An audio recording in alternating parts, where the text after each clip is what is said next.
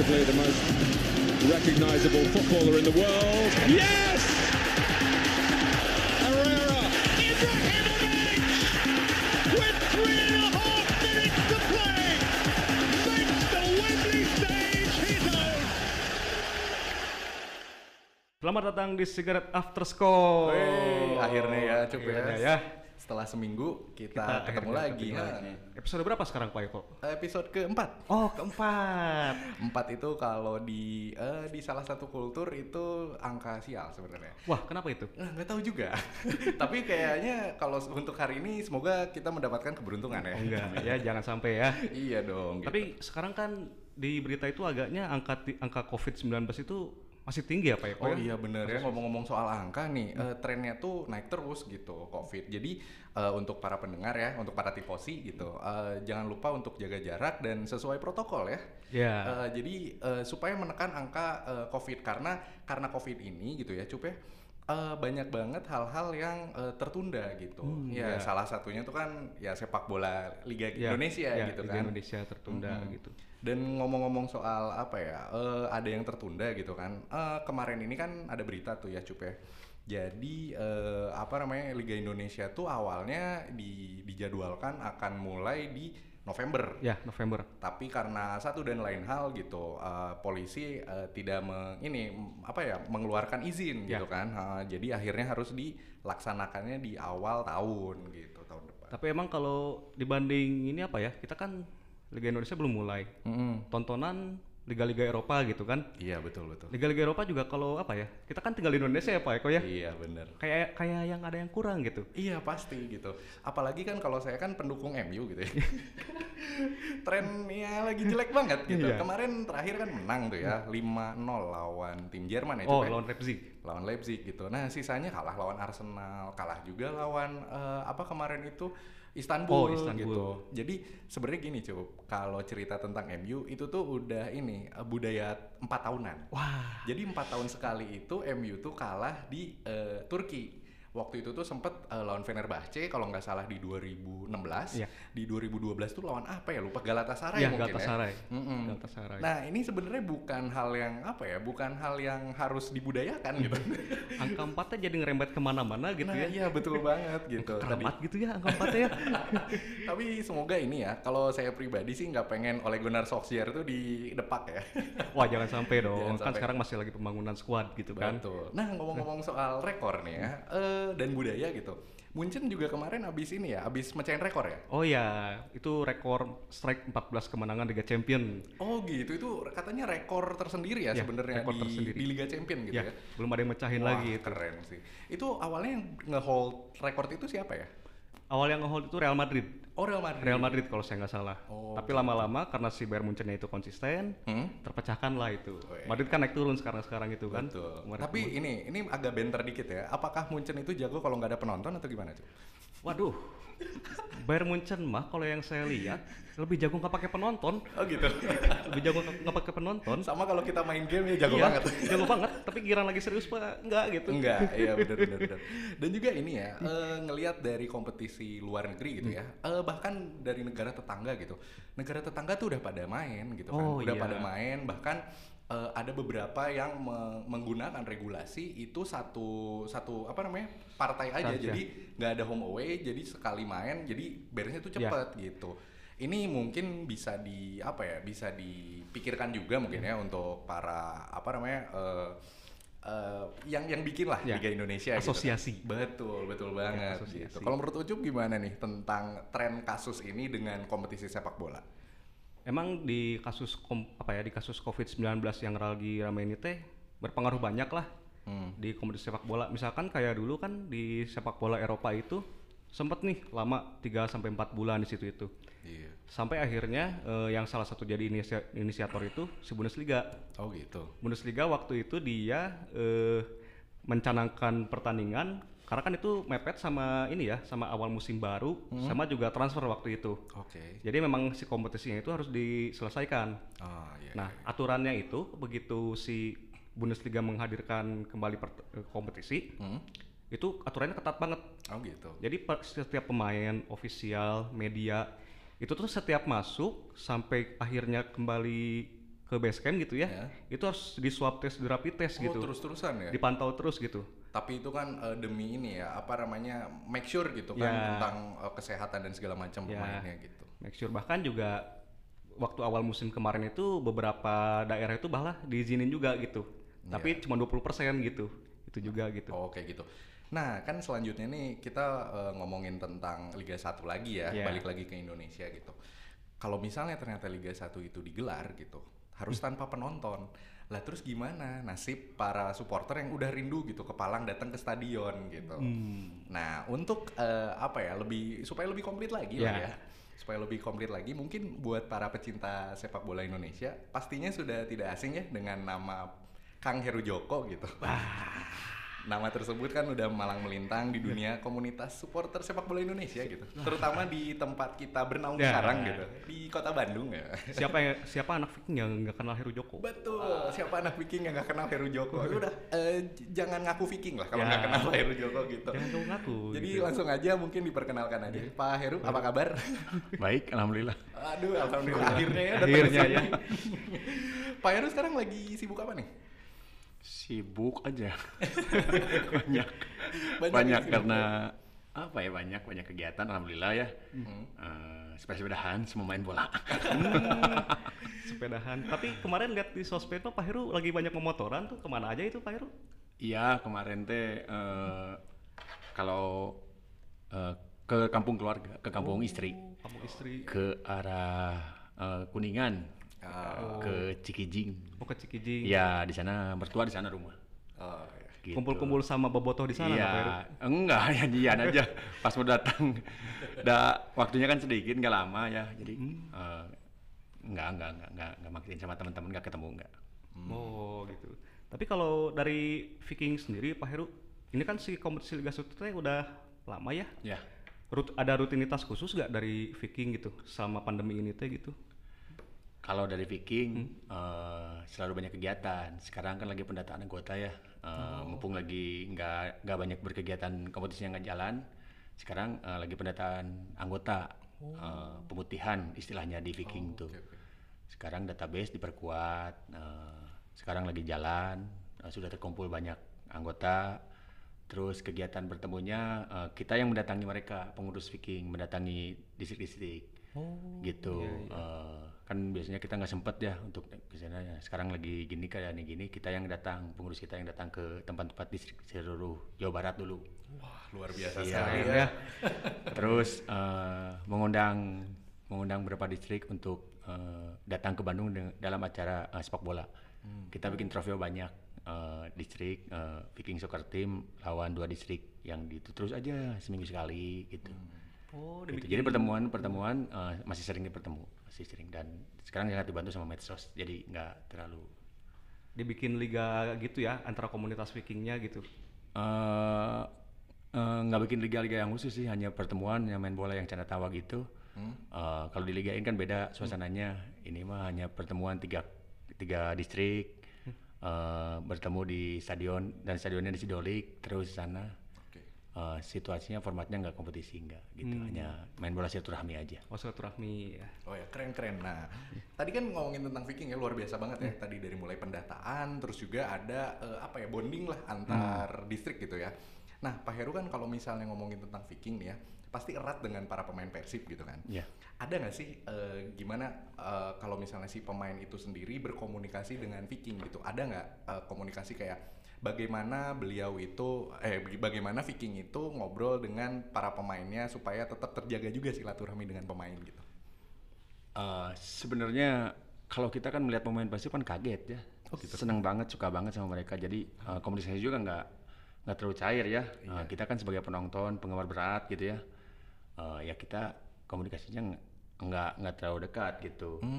Kita karena kita senangnya berlebihan sama mereka gitu ya. Jadi kalau komunikasi juga satu arah, suka satu arah dan kita membatasi dan eh, komunikasinya ya dibuatnya eh, nggak terlalu itulah yang pasti tapi kenal dekat sama mereka Oke, tapi nggak oke. nggak karena saya lihat mereka adalah yang harus didukung ya harus support gitu ya jadi hubungannya itu aja Oh gitu. Maksudnya eh, berarti ada masih nger- ngerasa ngagibek gitu ya iya sama idola gitu. iyalah iya karena Paling seneng sama siapa nih yang sekarang eh, Pak Heru?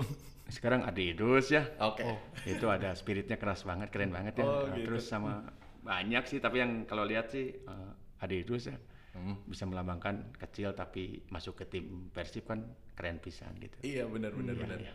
Kalau misalnya ini eh, apa namanya dari pemain gitu kan tadi mungkin ada ada nge- ngejaga silaturahmi tapi nggak terlalu sering ketemu gitu. Kalau misalnya dari sosmed gitu ada komunikasi sendiri nggak sama pemain? oh komunikasi mah ya deket ya Uh, kan dibantu banget ya sama sosmed ya Iya betul. Uh, ya sering pisan ada gitu Uh, teman-teman ya bisa bisa nge-DM bisa ngapa gitu kan sekarang mah udah sangat mudah ya Iya iya iya. pasti ya dibantu banget sama sosmed sama itu Oh gitu. Kalau berita-berita tentang pemain atau tentang manajemen tim itu biasanya kalau Viking sendiri tuh eh, dari mana ya? Taunya gitu. Ya kan mereka punya eh, apa IG-nya resmi ya di situ mungkin lihatnya. Oh, iya, iya, benar-benar. eh, mereka berpegang di situ aja lihat itu hubungannya itu. Oh gitu. Ya. Jadi tahu langsung ya informasi-informasi pemain tuh kayak gimana ya Pak Iya, ya. iya. Kan udah nggak boleh nonton latihan, Oh. disediain sama itu kemarin kan ada latihan juga. Ya ngelihat di YouTube-nya Persib gitu, itu dari situ aja. Oh live streaming Ya, ya, live Pak Heru streaming ya. ya gitu. Wih seru seru seru. Lumayan ya. Nah Pak Heru kan sekarang teh si kompetisi itu udah berlangsung apa ya? Maksudnya penundaan kompetisi Liga 1 itu kan udah hampir kayaknya udah enam bulan hampir setahun lah ya. Iya. Udah lama banget gitu. Terus kemarin kan eh, saya juga sempat lihat berita-berita kalau pemain-pemain yang berlaga gitu ya di kompetisi Liga 1 itu ada beberapa yang pulang stres atau ngeluh atau gimana gitu. Terus kan eh, lihat PSSI juga terkesannya teh kayak yang ini gitu ngasih harapan palsu gitu ke ke kompetisi Liga 1 teh gitu. Sebenarnya dari kacamata masyarakat Ya, gitu dari ya. kacamata masyarakat gitu yang men- yang benar-benar menantikan lah menantikan. si Liga 1 teh seperti apa gitu Betul, kan. betul. Kan kemarin teh sempat mau November. Tapi malah diundur lagi sampai awal tahun. Ya. Sampai Dan- Februari. Sampai Februari 2021 gitu. Dan itu teh masih belum pasti juga gitu. Hmm. Nah, kalau dari Pak Heru sendiri nih tanggapannya melihat keputusan PSSI yang terkesan pelin-pelan itu menurut Pak Heru gimana tanggapannya? Iya kan PSSI kan hidup di Indonesia ya nggak bisa eh, kan rakyat ini punyanya Indonesia mungkinnya eh, itu. jadi yang pasti PSSI mah sudah memberi harapan jelas bahwa kompetisi harus berjalan gitu ya karena eh, apa kita kan ini ada ini ada komunikasi kom- kompetisi. Tapi kan keadaannya begini ya eh, kita juga mau maklumi maklumi keadaannya sekarang ada pandemi gini berkumpul dikurangi ya nggak boleh gitu ya Eh, virus masih ada, vaksin belum datang gitu ya. Yang pasti ya saya eh, kita menyadari, menyadari bahwa keadaan begini. Sebenarnya eh, di klub luar kan ada ada celah juga yang bisa dikerjakan sama PSSI, tapi mungkin di sini berkaitan dengan apa kan ide isunya kan sama pilkada gitu ya. Eh, terus eh, pilkada juga kalau kata saya sih penting buat ber- kehidupan bernegara ya, betul gitu. Terus eh, kemarin kompetisi berhentinya lama banget ya. Yang pasti mungkin hitung-hitungannya sudah jelas ya lihat ya, PSSI sama pemerintah ya. Eh, dan sekarang kan eh, akhirnya tidak ditiadakan ya. Ya mungkin itu jalan keluar yang terbaik ya. Eh, kami menyadari keadaan itu. Eh, ya emang ingin banget ada kompetisi ya karena kita passion kita kan ada di sana ya. Itu yang pasti. Eh, ya nggak apa-apa, ada emang keadaannya begini. Gitu. Jadi memang eh, kalau dari supporter sih pasti sangat menginginkan gitu Pasti, ya. iya. Ya kayak Iya. ya pasti mengidolakan Persib gitu dan ingin banget gitu ngelihat Iya. Andri Idrus gitu ya Iya, misalnya lumayan. main bola. Tapi ya dalam apa ya dalam satu sisi juga ya memang itu dia nggak cuman kompetisi doang yang di yang di apa ya yang diatur gitu kan, tapi hal-hal yang lain juga. Ya benar-benar Hmm, setuju iya. juga sih. Nah, tapi kan ini ya, jadi kita mendapatkan eh, info gitu Hmm. bahwa sebenarnya ada lima tim ya yang dari sejak awal eh, sudah menolak untuk melanjutkan kompetisi. Gitu. Iya. Eh, di antaranya ada Barito Putra, Persik Kediri, dan Persebaya. Gitu. Hmm. Nah, menurut Pak Heru sendiri, apakah itu berarti Persib dan beberapa eh, dan sebagian besar tim lainnya gitu setuju untuk melakukan eh, Liga 1 tanpa kehadiran penonton? Itu setuju nggak akan hal tersebut? Ya kalau kan kita mau eh, tahu sadar keadaannya begini, ada kompetisi tanpa penonton ya itu jalan keluar ya. Betul. Kita setuju ya gitu ya. Eh, tapi kan mungkin eh, ada perhitungan-perhitungan yang khusus juga sama mereka ya, gitu. Yang pasti eh, ini mah hanya karena masalah pandemi aja ini mah ya. Jadi eh, kita udah berhenti terus eh, kagok mau dijalanin juga mungkin ya gitu ya. Gitu. Eh, formatnya banyak sebenarnya tapi ini kan eh, udah hitung hitungan yang jelas ya dari pihak regulator pihak mana juga gitu ya. Eh, soal ketidaksetujuan ada format itu wah, ikut kompetisi ya itu mah hak mereka ya mungkin ya. Tapi kan regulatornya tetap di PSSI ya. Kemarin sudah mau dijalanin tapi sudah tidak di eh, tidak dikasih izin ya karena eh, ya sekarang lagi virusnya malah tadi eh, naik tinggi lagi kan angkanya ya Iya, betul. yang pasti ya, ya karena keadaan aja ini mah Hmm. Nah, ini kan selama menjalankan apa ya eh, tugasnya sebagai ketua Viking gitu ya, Iya. Pak Heru. eh, pasti kan ada juga orang-orang yang wah sa- saya mah tersatuju, saya mah eh, kajen datang weh misalnya nggak nggak apa namanya nggak walaupun nggak nggak boleh gitu ya. Pasti ada banyak maksudnya kecintaan yang ya ibaratnya saya juga kenal ya beberapa teman saya yang punya fanatisme buta Iya. gitu. Eh, dan nggak bisa dikontrol gitu. Nah, kalau untuk menghadapi hal tersebut itu itu bener nggak hal-hal kayak gitu tuh? Dan Pak Heru sebagai ketua gitu menghadapi hal tersebut itu seperti apa gitu? itu mah kan kita kan oh, apa ya eh, saya anggap wajar ya dinamika dalam dalam kelompok begitu ya banyak karakter di dalam kelompok itu ya. Nah, kita kan eh, punya aturan-aturan yang jelas ya. Nah, gitu. Kalau dilanggar kan jelas ada sanksi-sanksi yang jelas dari sanksi sosial sanksi apa kita melihat eh, ya kita di atas ya harus melihat buat kebaikan orang banyak ya buat kebaikan tim gitu ya. Gitu eh, hal-hal yang begitu mah sudah saya anggap biasa ya eh, karena dibebaskan ya. Kalau sudah cinta mah susah. Betul. ya kalau sudah cinta mah susah. Saya menyadari dulu mengajari gimana ditentang tidak boleh tetap aja ya, gitu ya. Itu kan pelajaran buat saya juga ya. Mak- kenapa saya berani begini? Karena saya mengalami dulu gimana cinta buta itu gitu ya makanya eh, saya melihat ini kan buk- kalau kalau persib main kan bukan hanya pihak persib saja yang ber- ber- berkegiatan ya. Di sana ada persib di sana ada pihak keamanan ada o- itu panpelnya juga tuh. Ya kita harus bersinergi semua itu gitu. Hmm. tapi saya melihat eh, sekarang mah eh, semuanya sudah beda ya. Zamannya sudah bagus banget gini. Eh, nggak terlalu eh, kios kayak dulu lah gitu. Sekarang mah sudah terkontrol. saya kontrol dengan baik karena zaman Ah gitu. Iya. Nah jadi menarik Pak Heru tadi ngomongin tentang mungkin sekarang udah lebih terkontrol gitu dari zaman dulu gitu. Waktu eh, bagaimana cara untuk menyesuaikan dinamika tersebut gitu dari yang mulai ya ibaratnya belum terkontrol dan akhirnya terkontrol gitu Pak Heru eh, di Viking itu sendiri gitu. Iya kan kita mas lama ya. Kita mah dari mendirikan terus teman-teman masih tetap setia ya karena beda ya kelompok kita komunitas kita mah ya.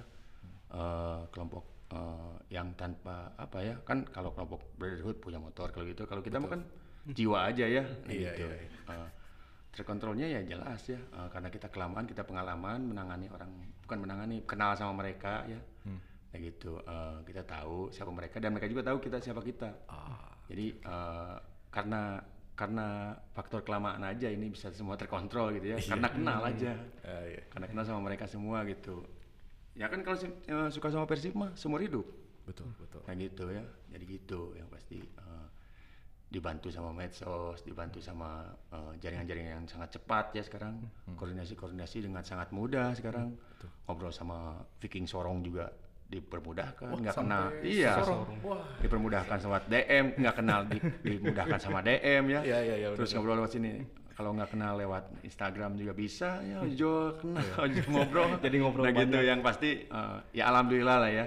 Jadi tujuan kita kan ingin semuanya enak mendukung persib mendukung persib juga jelas ya. Eh, sampai ke bisa hubungan kemisi sama persib juga bisa sekarang dipermudahkan gitu. Hmm. Nah tapi Pak Heru kan eh, komunikasi sama Bobotoh udah pasti mudah gitu ya. Tapi kalau dari Pak Heru sendiri nih eh, melihat ini nggak semacam membangun komunikasi dengan supporter tim lain gitu di tengah pandemi ini gini. Karena kan nasibnya sama-sama sedang ini ya vakum istilahnya gitu, sedang menanti kompetisi lama gitu. Menjalin komunikasi gitu sama supporter tim lain gitu misalkan. Ya, eh, ya juga itu juga dibantu sama eh, keadaan sekarang, zaman sekarang yaitu eh, sama tim lain juga sekarang. Ya kita juga kan eh, harus dekat sama mereka ya, harus koordinasi sama mereka. Eh, kan kalau di kita mah kan sudah beda sama mereka. Kita mah tambah tua teh tambah bener ya. Nah gitu. Eh, sama kelompok-kelompok yang lain ya kita berhubungan dengan mudah juga. Dan eh, itu lancar aja semuanya dan mereka sadar bahwa eh, kita harus memperkuat eh, apa ya mem- menjadikan sepak bola sebagai alat persatuan. Semuanya sudah berkomitmen bahwa situ saya lihat eh, ketuanya juga semuanya sudah berkomitmen sana. Paling-palingnya se- ada berapa ya yang melihat eh, ingin gimana tapi nggak banyak gitu yang pasti saya lihat semua semua bukan kompetitor ya itu mah teman kita ya klub-klub lain di lain Persib sudah menyadari bahwa keberadaan keberadaan mereka itu buat persatuan Indonesia. Wih, seru tuh. Dan juga ini ya, eh, tadi kan denger ya Pak Heru kalau misalnya Viking itu ternyata sampai Sorong ya, sampai timur Indonesia gitu. Sampai Riyadh ada Se-Indonesia. Sampai Arab Saudi. Wah, Sedunia. itu gimana tuh Pak Heru bisa sampai ke luar negeri gitu, bisa sampai ke ujung-ujung dunia gitu. Iya apa? Iya di sana juga kan orang Sunda, orang Sunda tuh orang yang suka Persib gitu ya. Jadi eh, ada komunitas Viking, terus komunitasnya mungkin cair banget ya dan mereka lihat bahwa ini wadah mereka ya. Ya udah aja deh kita juga seneng nambah saudara gitu ya. Iya, betul, Gitu seneng eh, terus independen banget Viking mah nggak nggak terlalu sulit gitu ya. Itu karena kita mah eh, menghimpun aja eh, orang-orang yang suka Persib ya. Oh iya. Nah gitu, sukanya berlebihan juga sih mereka. Gitu. Oh gitu. Iya, eh, ternyata ya alhamdulillah eh, Viking diterima lah ya di mana-mana. Ya alhamdulillah aja itu di mana-mana ada di Hong Kong ada di mana di Korea ada. Tapi banyaknya warga Sunda, warga Sunda dan penggemar Persib. Ada nggak yang orang asing itu tiba-tiba entah gimana tapi dia suka Persib dari Ada. luar negeri? Oh ada. Ada banyak, ada di Jerman juga ada yang suka Persib. Jerman ada, ada orang-orang Jepang banyak juga ada. Oh, gitu. Ada dan mereka masuk eh, Baraya Viking Jepang dulu ada. Oh gitu. Ada pernah gitu. Padahal kan di Jerman tuh kemarin baru menang Liga Champion, maksudnya klub-klubnya bagus, tapi kenapa nih? Apa kira-kira ya menurut Pak Heru mereka tuh bisa cinta Persib gitu? ada hubungan aja pernah berkaitan pernah ada ya kenapa saya ada orang Jerman kenapa kamu suka Persib? Saya kawin sama orang Bandung katanya. terus lihat di sana uh nah gitu. Istri saya suka banget sama Persib terus saya lihat ternyata gitu gitu banyak sih. eh, faktor-faktornya banyak Oh gitu, jadi bener-bener Romeo and Juliet ya? Sama orang luar. Ya. Sama orang luar gitu. Eh, kenapa ya kira-kira Pak Heru kalau misalnya ngelihat gitu ya tren apa sepak bola Indonesia gitu, ngelihat Persib tuh kenapa masih bisa bertahan gitu sampai sekarang gitu? Persib saya lihat manajemennya bagus ya Oh, gitu. Eh, manajemennya jelas ke depan ya profesionalnya menempatkan posisinya sama itu Eh, saya dekatkan sama mereka ya tapi nggak terlalu dekat karena harus ada itu juga Betul. Tapi yang pasti saya lihat, saya harus harus terus mengontrol juga ya. Eh, da- mereka mengelola tim kebanggaan kami ya. Nah gitu, mereka bisa, mereka bisa sampai sekarang bisa ya. Eh, kita terus komunikasinya dekat untuk untuk memper- untuk mempermudah semua hal yang di, yang dimau sama supporter sama bobotoh gitu. Mereka mampu gitu. Dan saya lihat eh, visi ke depannya jelas. Saya ingin membangun Persib lebih lebih bagus gitu. Kalau misalnya ini eh, apa namanya? Kan tadi ngomongin tentang Persib manajemennya bagus nih ya.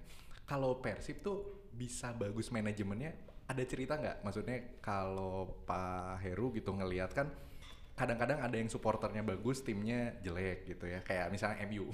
Ya. kayak kayak tim saya gitu. Timnya jelek, manajemennya bagus, MU juga. Nah, iya iya benar.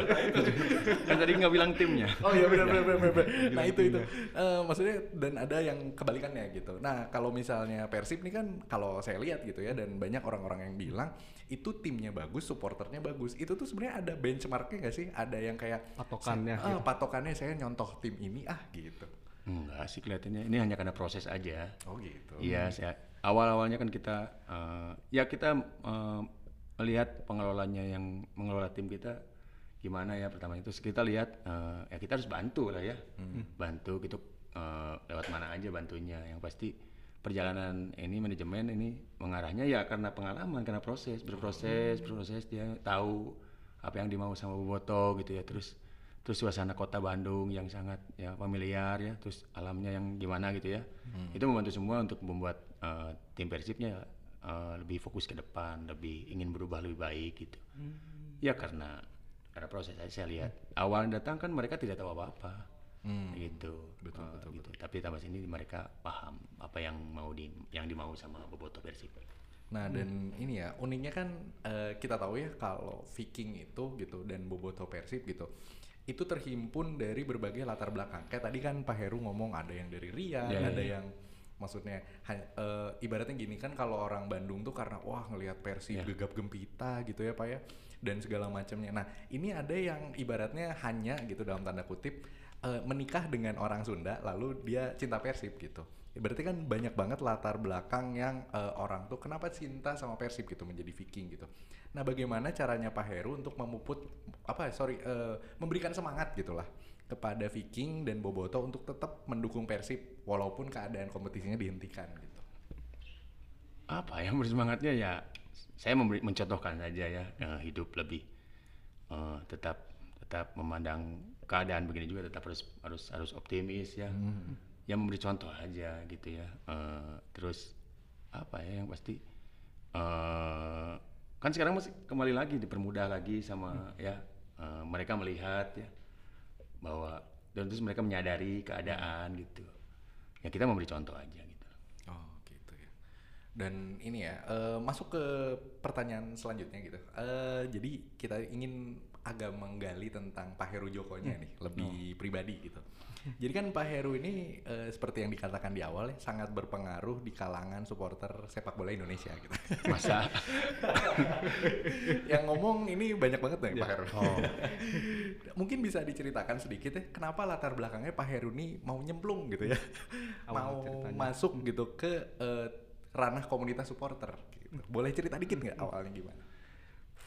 Ya ini mah kan panggilan jiwa ya. Ini mah eh, dari kecil juga nggak sadar ya, nggak nyangka sekarang besarnya gini ya. Eh, suka banget aja sama Persib. Kampung saya dekat sama stadion Persib ya. Jalan ya. Dulu nonton Persib itu udah oh kakek nenek udah semuanya sama lah di kampung saya mah ada su- suka bola banget ya jalan gitu ke stadion itu tanpa tanpa sadar ya emang emang ini mah udah jadi udah harus eh, suka banget ya jiwa. kata saya sih panggilan jiwa ini ya jadi eh, kenapa masuk sini? Ya karena saya suka banget ya ini gitu.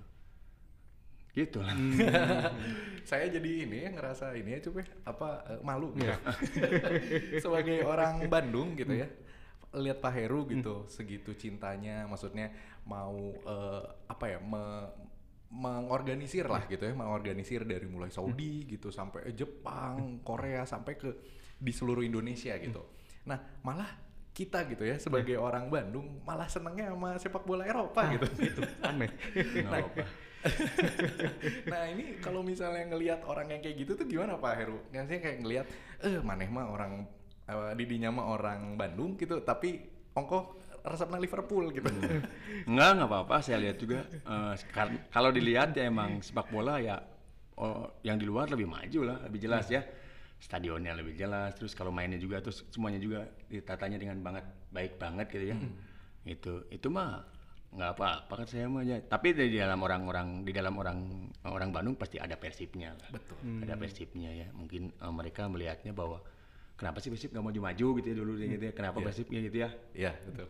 Kalau dari dulu juga mainnya udah jauh banget ya. Kalau saya dulu mah poek sama Persib ya.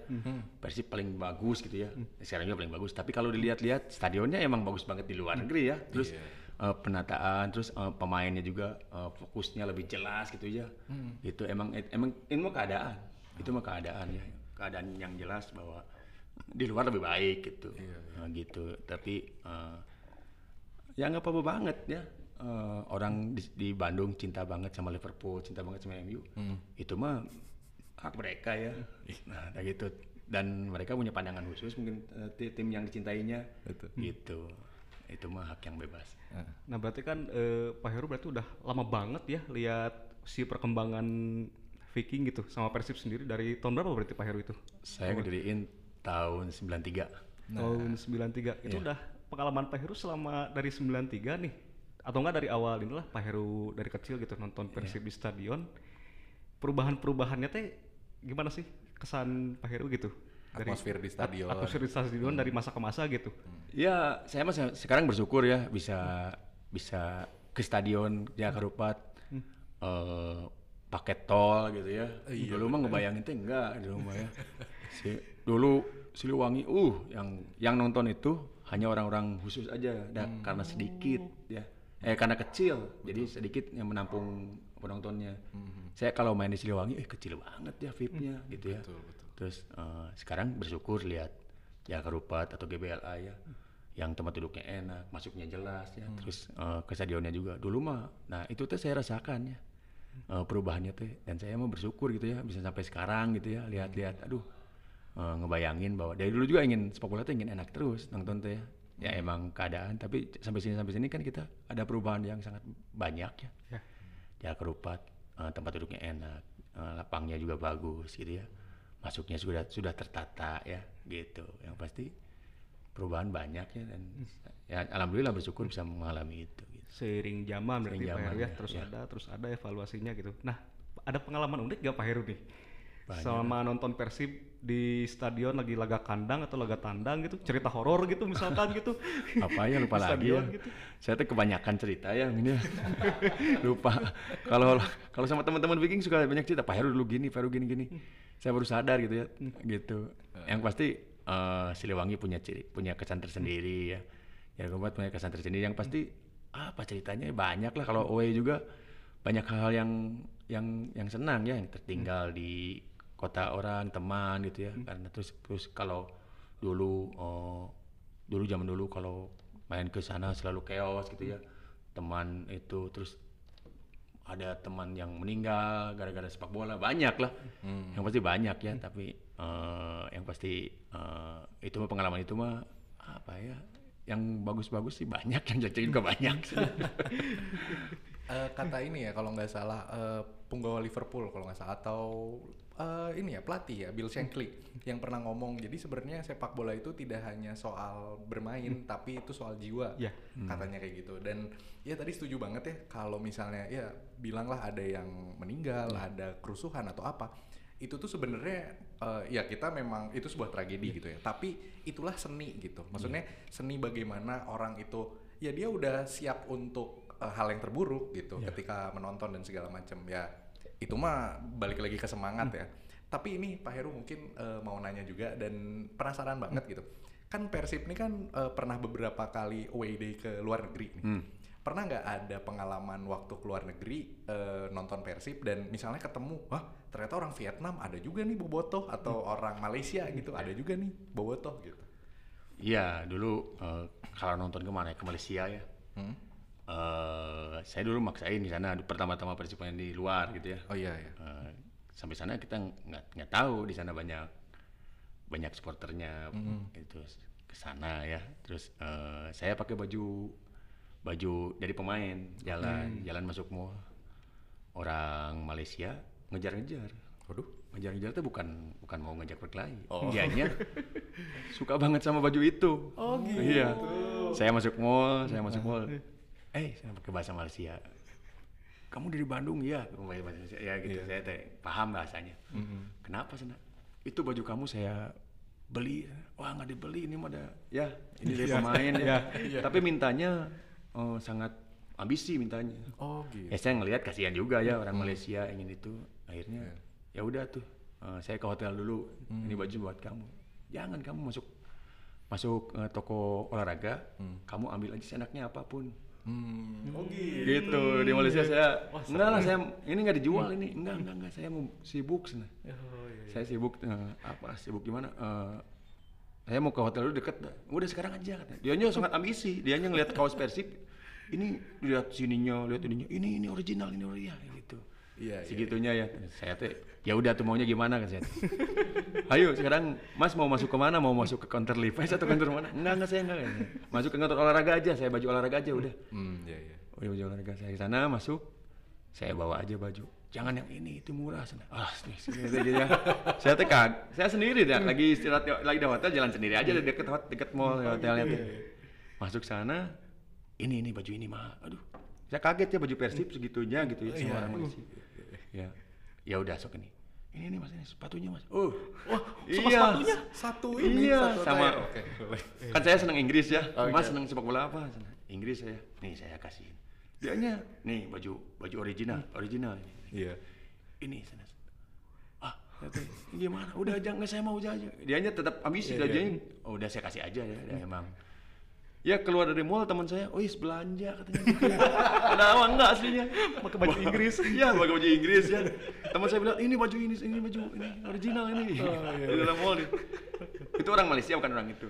Oh gitu. Orang Malaysia ngejar-ngejar di apa gitu di di, Malaysia, di mall salah satu mall di Malaysia. Jadi itu bukan orang Indonesia Bukan. yang di Malaysia, tapi orang Malaysia, Orang asli. Malaysia. Ya Hebat. saya keluar pakai baju original sih emang pemberian dari Pum.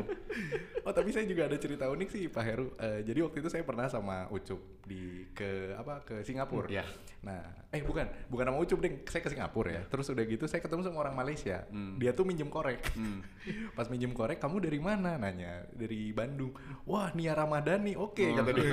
bawang merah, bawang putih. Buset tahun berapa itu? Iya.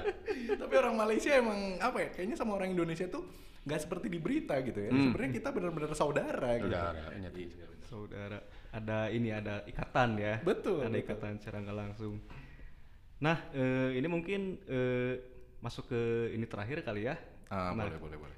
ada nggak eh, ini Pak Heru yang ingin menyampaikan pesan gitu ke para pendengar terus ke para kepada para supporter Liga 1 gitu yang sekarang lagi pandemi gitu ngasih support atau apa gitu?